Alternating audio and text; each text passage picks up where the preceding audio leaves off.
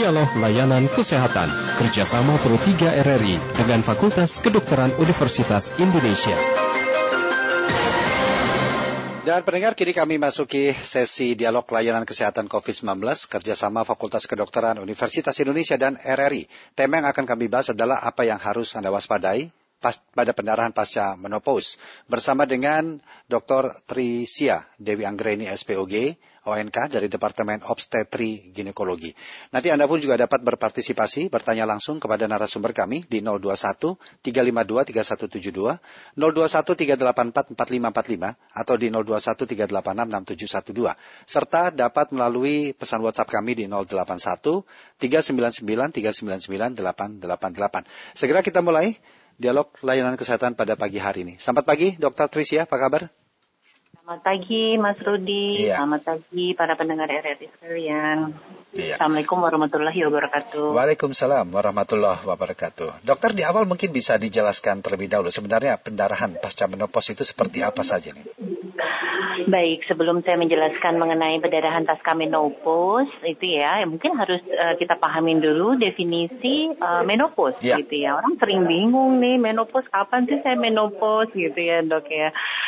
Karena sering banget mereka mengatakan bahwa dokter saya nggak menopause tiga bulan sekarang dapat haid lagi. Itu udah menopause belum? Dokter saya eh, nggak dapat haid eh, tiga tahun sekarang saya haid kembali. Sehingga definisi menopause itu memang perlu dijelaskan.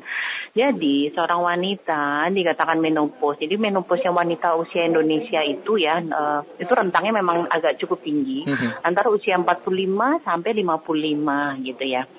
Jadi asal untuk usia 45 sampai 55. Mhm. Nah, kemudian eh, kapan seorang wanita itu dikatakan menopause Ya. adalah apabila dalam siklus menstruasi selama 12 bulan, jadi 12 bulan ya. Jadi satu, Satu tahun, tahun, dia ya. Mhm. ya, dia tidak mendapatkan haid lagi, Hmm. benar-benar bersih, maka tegaklah dia menopause.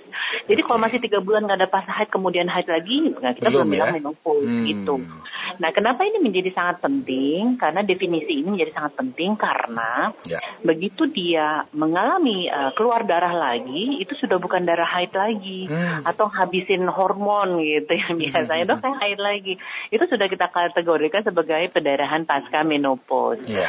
Sementara pendarahan yang sebelum menopause kita cuma bilang pendarahan uterus abnormal gitu ya Mhm, penyebabnya banyak ada hormonal, ada non hormonal gitu ya nanti uh, dokter akan melakukan pemeriksaan. Iya. Jadi mungkin itu dulu yang harus dipahami Mas. Baik. Jadi menopause-nya dulu baru setelah itu jika ada pendarahan pada masa menopause itu itulah yang baru kita perhatikan. Tapi penyebabnya apa dok kalau gitu? Nah, em, pendarahan pasca menopause itu kenapa menjadi satu hal yang penting buat seorang dokter? Ini pendarahan pasca menopause atau pendarahan uterus abnormal? Pendarahan yang di- eh, didapati sebelum menopause atau pendarahan yang sesudah menopause? Tentu saja berhubungan dengan penegakan diagnosis banding. Kita akan meletakkannya di mana nih, gitu ya, Mas Rudi ya. Memang eh, kita harus curiga nih kalau pendarahan pasca menopause orang sudah tidak dapat hormon lagi. Harusnya dinding dalam rahimnya atau yang kita sebut endometrium tipis dong gitu ya Mas Rudi ya. Kok berdarah nih gitu ya. Kita pikirkan ini tumor bukan yang membuat dia berdarah. Ah, Jadi iya. seperti itu. Mhm. Kalau tumor jinak atau ganas gitu Iya. ya. Memang kita akan menempatkan di- diagnosis banding ini ini ada keganasan nggak Mhm. akan berbeda dengan pendarahan uterus abnormal pada orang yang belum menopause gitu ya. Namun Mas Rudi, Mhm. orang juga jadi khawatir, aduh saya pasti kena kanker. Sebenarnya Oh, belum tentu. Iya. Iya. Karena pendarahan pasca menopause itu Mas Rudi 60 persen, 60 persen itu Hmm. karena ternyata dinding dalamnya terlalu tipis. Oke. Jadi karena terlalu tipis, pembuluh darahnya terekspos, Hmm. mudah teriritasi, mudah inflamasi, infeksi, jadi dia berdarah. Itu yang Dan tadi disebut hanya- eh, endometrium tadi itu ya dok ya?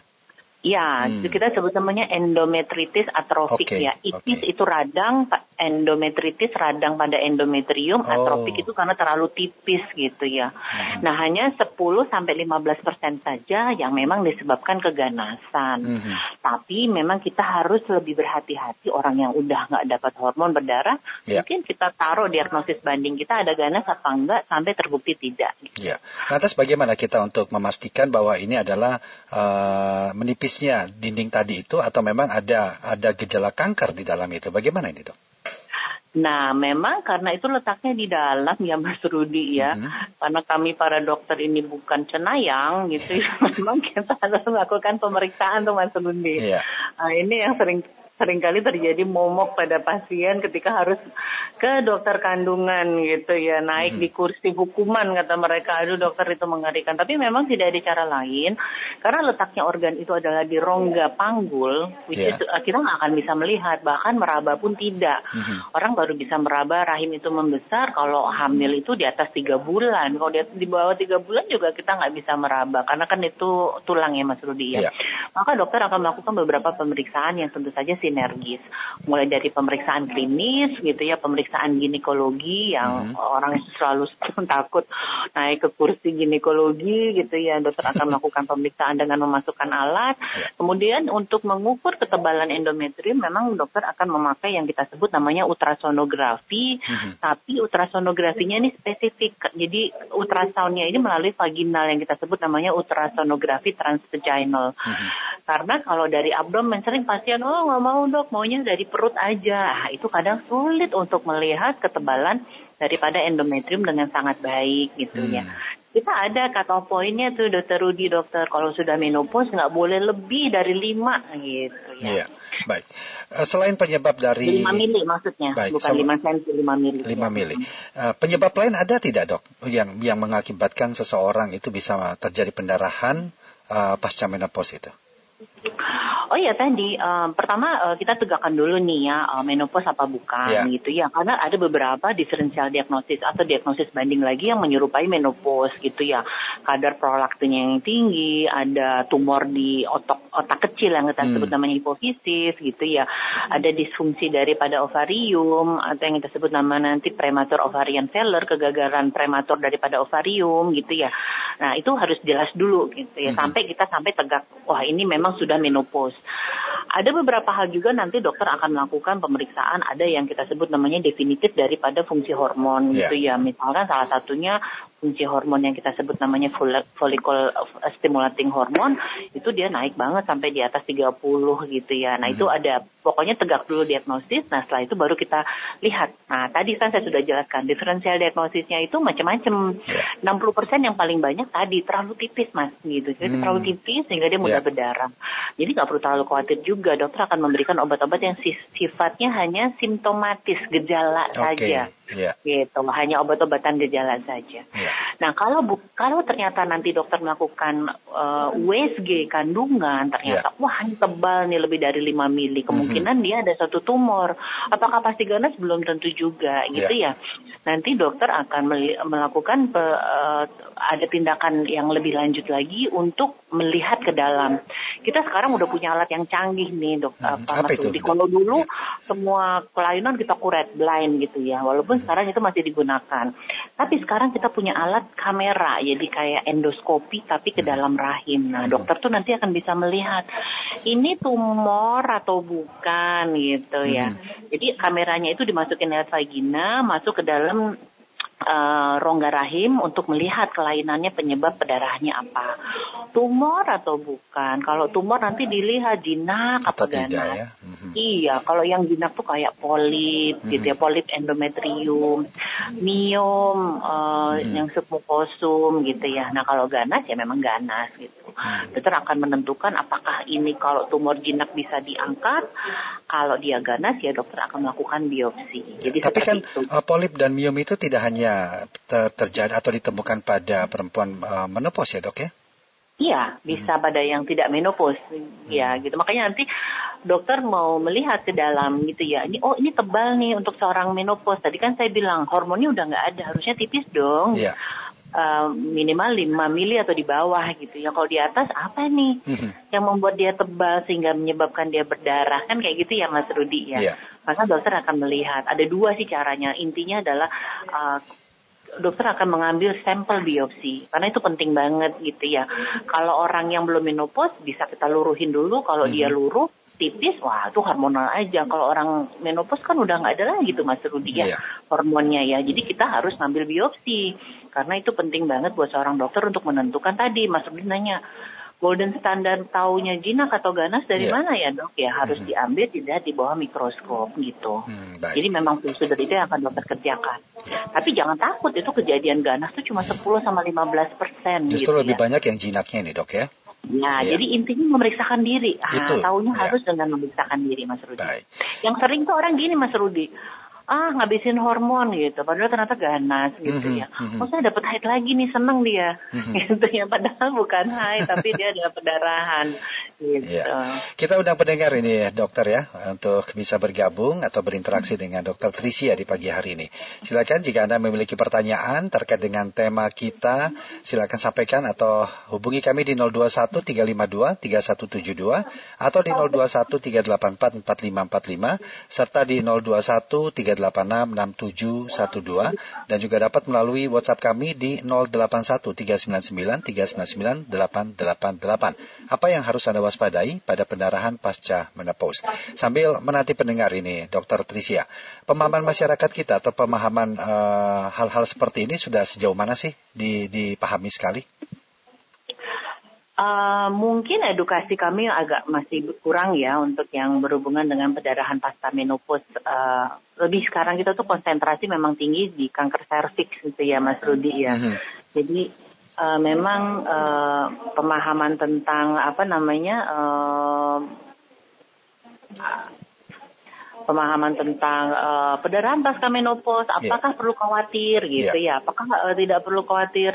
Itu memang masih eh, eh, ma- mungkin masih kurang menurut Mhm. saya. Bahkan provider-provider kesehatan sendiri itu juga terkadang saya harus akui penyampaiannya menjadi kurang baik sehingga menimbul, menimbulkan stigma-stigma atau mitos-mitos di di masyarakat gitu ya Mas Rudi ya. Mhm. Pertanyaan yang paling sering apa mitos-mitos itu tuh yang yang yang yang uh, sering beredar itu adalah bahwa pendarahan pasca menopause selalu berasal dari rahim. Ya. Belum tentu juga gitu ya. Ya. Kita terima Kemudian- pendengar terlebih dahulu, Dr. Trisia. Sudah Oh, ada iya, Pak Oni di. Bantul, Jawa Tengah. Pak Oni, selamat pagi Pak. Selamat pagi Mas Rudi. Iya. Halo, Selamat pagi dokter. ya silakan. Assalamualaikum. Waalaikumsalam warahmatullahi wabarakatuh. Salam warahmatullahi wabarakatuh. Yang jelas bukan saya yang menopause. Tapi bisa diulang Pak, terputus-putus suara Pak Oni? oh gitu ya. Iya, sedikit bergeser mungkin bisa lebih baik. Mudah-mudahan sinyal yang Ya, kami ya, terima. ya. Iya, Ya udah bergeser. iya. Sudah ini gimana? Ya, silakan Pak. Ya ini yang jelas saya, bukan saya yang menopause. Hmm, Iya Pak, betul. Istri saya untuk untuk pencegahan meng- dari kanker itu langkah-langkah apa yang, yang harus saya lakukan pemeriksaannya begitu dokter. ya. Baik. Itu saja Pak Oni ya. Saja terima kasih. Iya. Assalamualaikum. Waalaikumsalam warahmatullahi wabarakatuh. Eh, Pak Oni di Bantul mungkin bisa langsung ditanggapi Dokter Tris ya. Baik, Pak Oni, terima kasih dari Jawa Tengah ya. Tadi kalau nggak salah pertanyaannya adalah apa ya?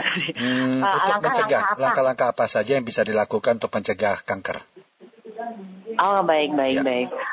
Istrinya Nah, memang sudah Kak- dalam eh, menopause masa menopause saat ini dok. Baik, baik, baik, baik. Eh, mungkin harus saya klarifikasi dulu ya sebenarnya. Pada kanker di kandungan, organ kandungan itu kan ada indung telur, ada leher rahim, ada badan rahim, ada Ya. leher rahim gitu ya, eh, saluran telur.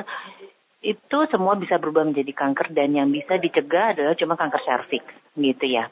Jadi yang bisa dicegah dengan pap smear, mungkin pernah dengar ya IVA gitu ya, teledovia dengan pemeriksaan HPV itu yang bisa dicegah karena dia adalah si prekankernya.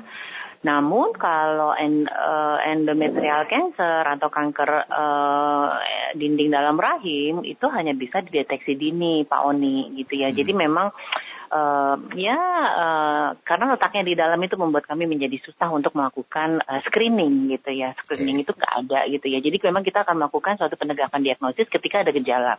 Nah gejalanya yang harus diwaspadai Pak Oni ya ketika mungkin istri atau saudara atau teman kerabat sudah memasuki mana menopause kemudian selalu mereka aku sudah tiga tahun nih nggak dapat haid kok sekarang aku senang nih dapat haid lagi wah udah sign tuh periksa ke dokter gitu jadi langsung segera ketika ada ada gejala itu langsung segera memeriksakan diri ke dokter gitu ya. Jadi nggak ada cara lain karena dokter yang akan melakukan evaluasi yang tadi saya katakan, dokter akan melakukan anamnesis gitu ya. Pemeriksaan fisik, pemeriksaan penunjang sederhana tadi sudah saya sebutkan yaitu dengan ultrasonografi transvaginal. Kemudian apakah diperlukan pemeriksaan penunjang sifatnya lebih sophisticated kayak tadi yang saya bilang histeroskopi, kita melakukan endoskopi atau kita mau melakukan DNC atau kurep gitu ya. Mhm. Nah itu akan dokter tentukan setelah melakukan pemeriksaan. Baik. Nah ada beberapa buat beberapa orang yang memiliki faktor resiko. Jadi kanker endometrium itu ada yang diturunkan Mas Oni gitu ya. Eh Mas Oni. Mas Mas Rudi Pak Oni. Ya. Itu dia linknya dilihat tuh kakek nenek, bapak ibu, saudara sekandung, ponakan ada nggak yang kanker usus, ada nggak yang kanker rahim, ada nggak yang kanker indung telur itu kita sebut namanya link syndrome gitu Baik, ya. ya. Itu ada mutasi genetik. Begitu ada saudaranya yang ada tiga hal tersebut, Ya. harus rutin memeriksakan diri setahun sekali. Kalau Baik. ada gejala segera datang. Mungkin itu kali ya Mas. Rudi. Kita kembali terima pendengar nih Dokter Tricia ya. Ada Pak Ahmadi di Jember, Jawa Timur. Pak Ahmadi, selamat pagi Pak. Ya, selamat pagi. Di Sumeneb, bukan di... di Oh, di Sumeneb ya? Baik, Sumeneb Iya. Madura, Jawa Timur ya. Ya, silakan Pak. Ya.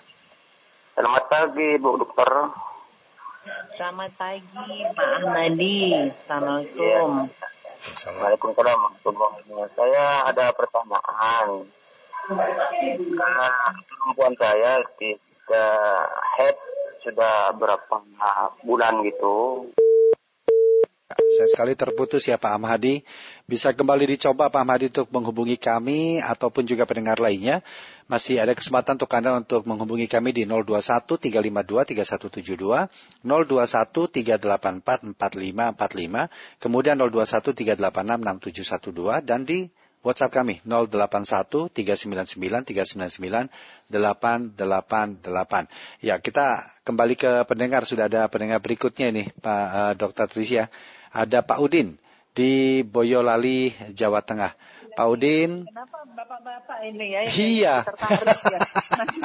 mungkin mungkin memang diminta atau mewakili ini Bu, Eh, dokter. Iya. benar. Iya, Pak Udin selamat pagi Pak.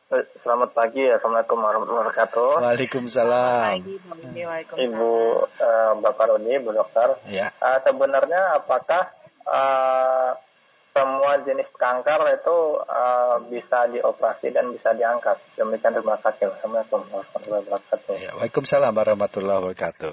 Baik, mungkin bisa ditanggapi juga nih Dokter Tricia. Baik, terima kasih Pak eh, Udin ya. Iya. Dari mana Pak Udin? Boyolali, Jawa Tengah. Boyolali, Jawa Iya. Tengah. Oh, bagus sekali ini pertanyaannya. Mhm. Nah, walaupun tadi saya bilang kanker endometrium atau dinding dalam rahim ini tidak bisa dicegah atau tidak ada screeningnya, tapi good sign-nya adalah eh, penanda baiknya bahwa dia biasanya ditemukan pada stadium dini Mas Rudi. Kenapa? Karena itu bergejala. Apa gejalanya berdarah gitu ya. Mhm. Kalau kanker indung telur kan nggak nggak tahu dia perutnya tambah besar. Dia bilang cuma oh, tambah gemuk tambah gemuk. Ah, kalau ini pasti berdarah. Mhm. Nah ketika itu berdarah, tadi masuk lagi pada definisi. Istri saya udah setahun nggak nggak haid, kok tiba-tiba mengeluh Pak aku dapat haid lagi. Nah itu sudah sign harus segera melakukan pemeriksaan ini. Nah nanti dokter akan melakukan penegakan diagnosis. Kalau sudah dilakukan biopsi dan ternyata hasilnya ganas, Ya. maka dokter pasti akan melakukan operasi. Karena penegakan stadium itu adalah berdasarkan hasil dapatan operasi yang kita sebut namanya operasinya surgical staging. Jadi stagingnya kita tegakkan setelah dari spesimen-spesimen kita ambil itu hasilnya positif atau negatif kanker, maka tegaklah stadium 1, 2, 3, 4 gitu Mas Rudi. Pak Udin. Kalau stadium 1 tadi secepat mungkin. Stadium 1 maka operasinya simple, angkat rahim, angkat indung telur, Mhm. saluran perut, basic selesai. Tapi Mhm. kalau stadiumnya sudah naik jadi high risk, maka akan ada penambahan terapi ajuvan atau terapi tambahan yaitu dengan eh, sinar gitu Mhm. ya. Sinar dalam dan sinar luar. Sinar luarnya 25 kali sinar dalamnya tiga kali. Dengan atau tanpa kemo tergantung stadiumnya berapa. Kalau ada meta jauh ya kita kombinasi dengan kemo. Jadi memang sangat penting banget ini Mas Rudi Pak Udin yang mengidentifikasi sesegera mungkin bahwa ini adalah bukan hormonal bukan normal bahwa ini adalah perdarahan. Ya. pasca menopause untuk segera memeriksakan diri Ya. Dok, ke mana dok ini? Apakah semua eh, layanan kesehatan atau rumah sakit sudah memiliki alat-alat yang tadi seperti dokter sampaikan ini? Baik, eh, memang eh, pertama kali yang memang eh, sebaiknya sih memang ke dokter kandungan gitu ya. Tapi lini pertama gitu ya, lini pertama mungkin bisa melalui puskesmas ya ke bidan, ke dok eh, ke dokter umum yang kemudian nanti akan mendescribe untuk membantu apakah ini ya. perdarahan pasca menopause atau bukan. Yang ya. kemudian nanti mereka akan melakukan sistem perujukan gitu loh hmm. Mas Rudi ya. Hmm. Kan apalagi misalkan pakai BPJS ya, pasti dia akan merujuk. Wah nggak bisa ini ibu, bapak, ini adalah perdarahan pasca menopause, maka saya harus merujuk ke hmm. dokter kandungan. Nah dokter kandungan pun juga nanti akan bertahap ya Pak uh, Mas Rudi ya. Yeah. Kalau nanti setelah dibiopsi ternyata hasilnya ganas atau kecurigaan awal ganas, dia pasti akan refer langsung ke uh, dokter uh, ginekologi onkologi. Jadi khusus yang uh, menangani pasien-pasien dengan keganasan gitu. Yeah. Dan apakah uh, langkah pemeriksaan itu memang bisa atau bisa dilakukan ketika belum memasuki masa menopause, dok? Atau memang harus menunggu dulu masa menopause? Uh, tidak. Tadi kan hmm. kan ada tuh suka mitos. Apakah pendarahan pasca menopause sama dengan pendarahan ya. uh, uterus abnormal? Tidak. Pemeriksaan secara rutin gitu maksudnya, dok? Ya, jadi ada pemeriksaan-pemeriksaan secara rutin berkala. Orang hmm. sering salah nih Mas Rudin nih, Pak Udin. Hmm. Mereka mengatakan kalau nggak hamil nggak perlu periksa ke dokter kandungan dan itu yang salah gitu ya. jadi memang kalau nggak ada gejala harus hmm. rutin melakukan pemeriksaan. Maka dokter akan melakukan evaluasi hmm. apakah ini suatu hal yang normal atau tidak gitu ya. Nah itu hanya tahu dari pemeriksaan. Jadi memang secara rutin berkala minimal setahun sekali. Pada waktu hari hmm. ulang tahunnya ibu deh hadiahnya adalah pemeriksaan kandungan sama payudara ya yang yeah, paling sering yeah. kita ya hmm. gitu. Jadi Dan itu memang ya? bisa dideteksi. Iya, hmm. ada memang kanker endometrium yang berhubungan dengan hormon. Sebenarnya sudah terjadi pada baik. waktu sebelum menopause. Ya. Nah, kalau kita bisa mengetahui lebih cepat akan lebih baik. baik. Gitu. Dokter ini masih ada satu pendengar lagi yang tadi sempat terputus Pak Ahmadi di Sumeneb, Madura, Jawa Timur. Pak Ahmadi, selamat pagi. Iya, selamat pagi. Iya, silakan Pak saya mau bertanya masalah istri saya sudah satu tahun ini tidak head itu tidak terang bulan. Mm-hmm. Cuman sebabnya ikut suntikan KB gitu loh. Hmm. Sampai sekarang orangnya itu gemuk betul. Begitu. Saya mohon solusinya bagaimana caranya. Baik, gitu. baik. Ya, terima kasih Pak Amadi ya. Selamat pagi. Boleh ya. tanya nggak itu ya? Waduh, sudah terputus ya. Ya mungkin ada ada uh, beberapa pandangan kali dok, mungkin bisa disampaikan juga, silakan. Baik, uh, jadi kalau nggak salah tadi saya usia itu saya belum tahu ya. Iya. Kalau tadi saya mendengar uh, karena disuntik KB jadi tidak hmm. haid gitu hmm. ya. Nah itu memang ber saya harus tahu banget. saya harus tahu sebenarnya ini usianya Bu Ahmadi ini berapa gitu iya. ya. Belum pada apakah semua haid yang uh, tidak haid itu dikatakannya menopause. Nah itu tadi memang dokter akan melakukan eksplorasi. Kalau suntik KB yang tiga bulan memang dibuat tidak haid tapi tidak menopause. Itu tuh beda lagi situasinya. Jadi uh, ada beberapa hal yang memang kita uh, dokter akan memberikan terapi-terapi untuk hmm. menghentikan haid, tapi tidak yeah. menopause gitu ya. Misalkan pada kisah endometriosis atau untuk ber-KB itu memang posisinya adalah memang tidak haid gitu ya, tapi hmm. tidak menopause. Nah untuk memastikannya memang uh, tanyakan lebih jelas ketika mendapatkan terapi ini tujuannya apa gitu yeah. ya. Uh, kemudian uh, setelah mendapatkan terapi itu apa efeknya pada uh, pada pasien gitu ya maksudnya ya. ya. Jadi supaya nggak kaget-kaget habis disuntik KB nggak nggak haid satu bulan gitu. Eh, nggak sampai satu tahun kemudian jadi panik gitu. Wah ini perdarahan pasca menopause nih kata dokter ya. Jadi memang harus dipastikan. Kalau yeah. suntik KB kita nggak bilangnya menopause itu Mas -hmm. Rudi. Mm -hmm. Jadi beda. Beda ya. ya. Baik dokter ini ada sisa waktu sedikit mungkin bisa dokter sampaikan apa sebagai pesan untuk masyarakat terutama uh, kaum ibu-ibu kita. Silakan dok. Baik, uh, jadi uh, pesan saya untuk uh, ibu-ibu sekalian, walaupun tadi sepertinya kebanyakan bapak-bapak ya Mas Rudi ya. tapi Mewakili, ini, ada istrinya kok dok. Gitu. Tapi ini saya yeah. sangat menghargai sekali memang karena bapak-bapak ini sangat cinta pada para istri ya. Yeah. Jadi sekali lagi tadi ya, apa apakah kita harus khawatir dengan perdarahan pasca menopause? Mm -hmm. uh, khawatir itu untuk memeriksakan diri iya, tapi khawatir apakah selalu itu adalah kanker? Tidak gitu. Jadi jangan langsung panik kemudian takut tidak melakukan pemeriksaan. Jadi satu definisinya dulu kalau sudah tidak dapat haid selama 12 bulan, kemudian dapat darah lagi, wah ini berarti perdarahan pasca menopause, maka kalau ada keluhan harus segera melakukan pemeriksaan ke dokter atau ke tenaga kesehatan terdekat. Maka dokter akan melakukan pemeriksaan mulai dari anamnesis, pemeriksaan fisik, pemeriksaan penunjang yang sederhana maupun yang uh, sophisticated uh, untuk uh, apakah perlu atau tidak mengambil tindakan pengambilan biopsi dan kalau sudah mendapatkan tata laksana atau ya. penegakan diagnosis jangan takut ya. untuk melakukan uh, terapi gitu ya karena delaying dalam melakukan terapi itu akan menyebabkan uh, progresivitas dari penyakitnya itu Baik. menjadi uh, berlanjut-lanjut. Tapi Baik. kalau hasilnya normal, nggak usah terlalu khawatir ya. gitu ya.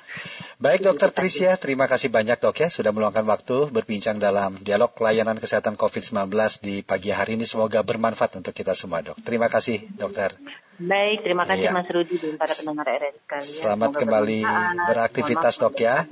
Baik. Selamat pagi. Selamat pagi. warahmatullahi wabarakatuh. Waalaikumsalam warahmatullahi wabarakatuh. Demikian tadi dialog layanan kesehatan bersama dengan Dr. Tricia Dewi Anggraini, SPOG ONK, Departemen Obstetri Ginekologi. Demikian dialog layanan kesehatan kerjasama Pro 3 RRI dengan Fakultas Kedokteran Universitas Indonesia.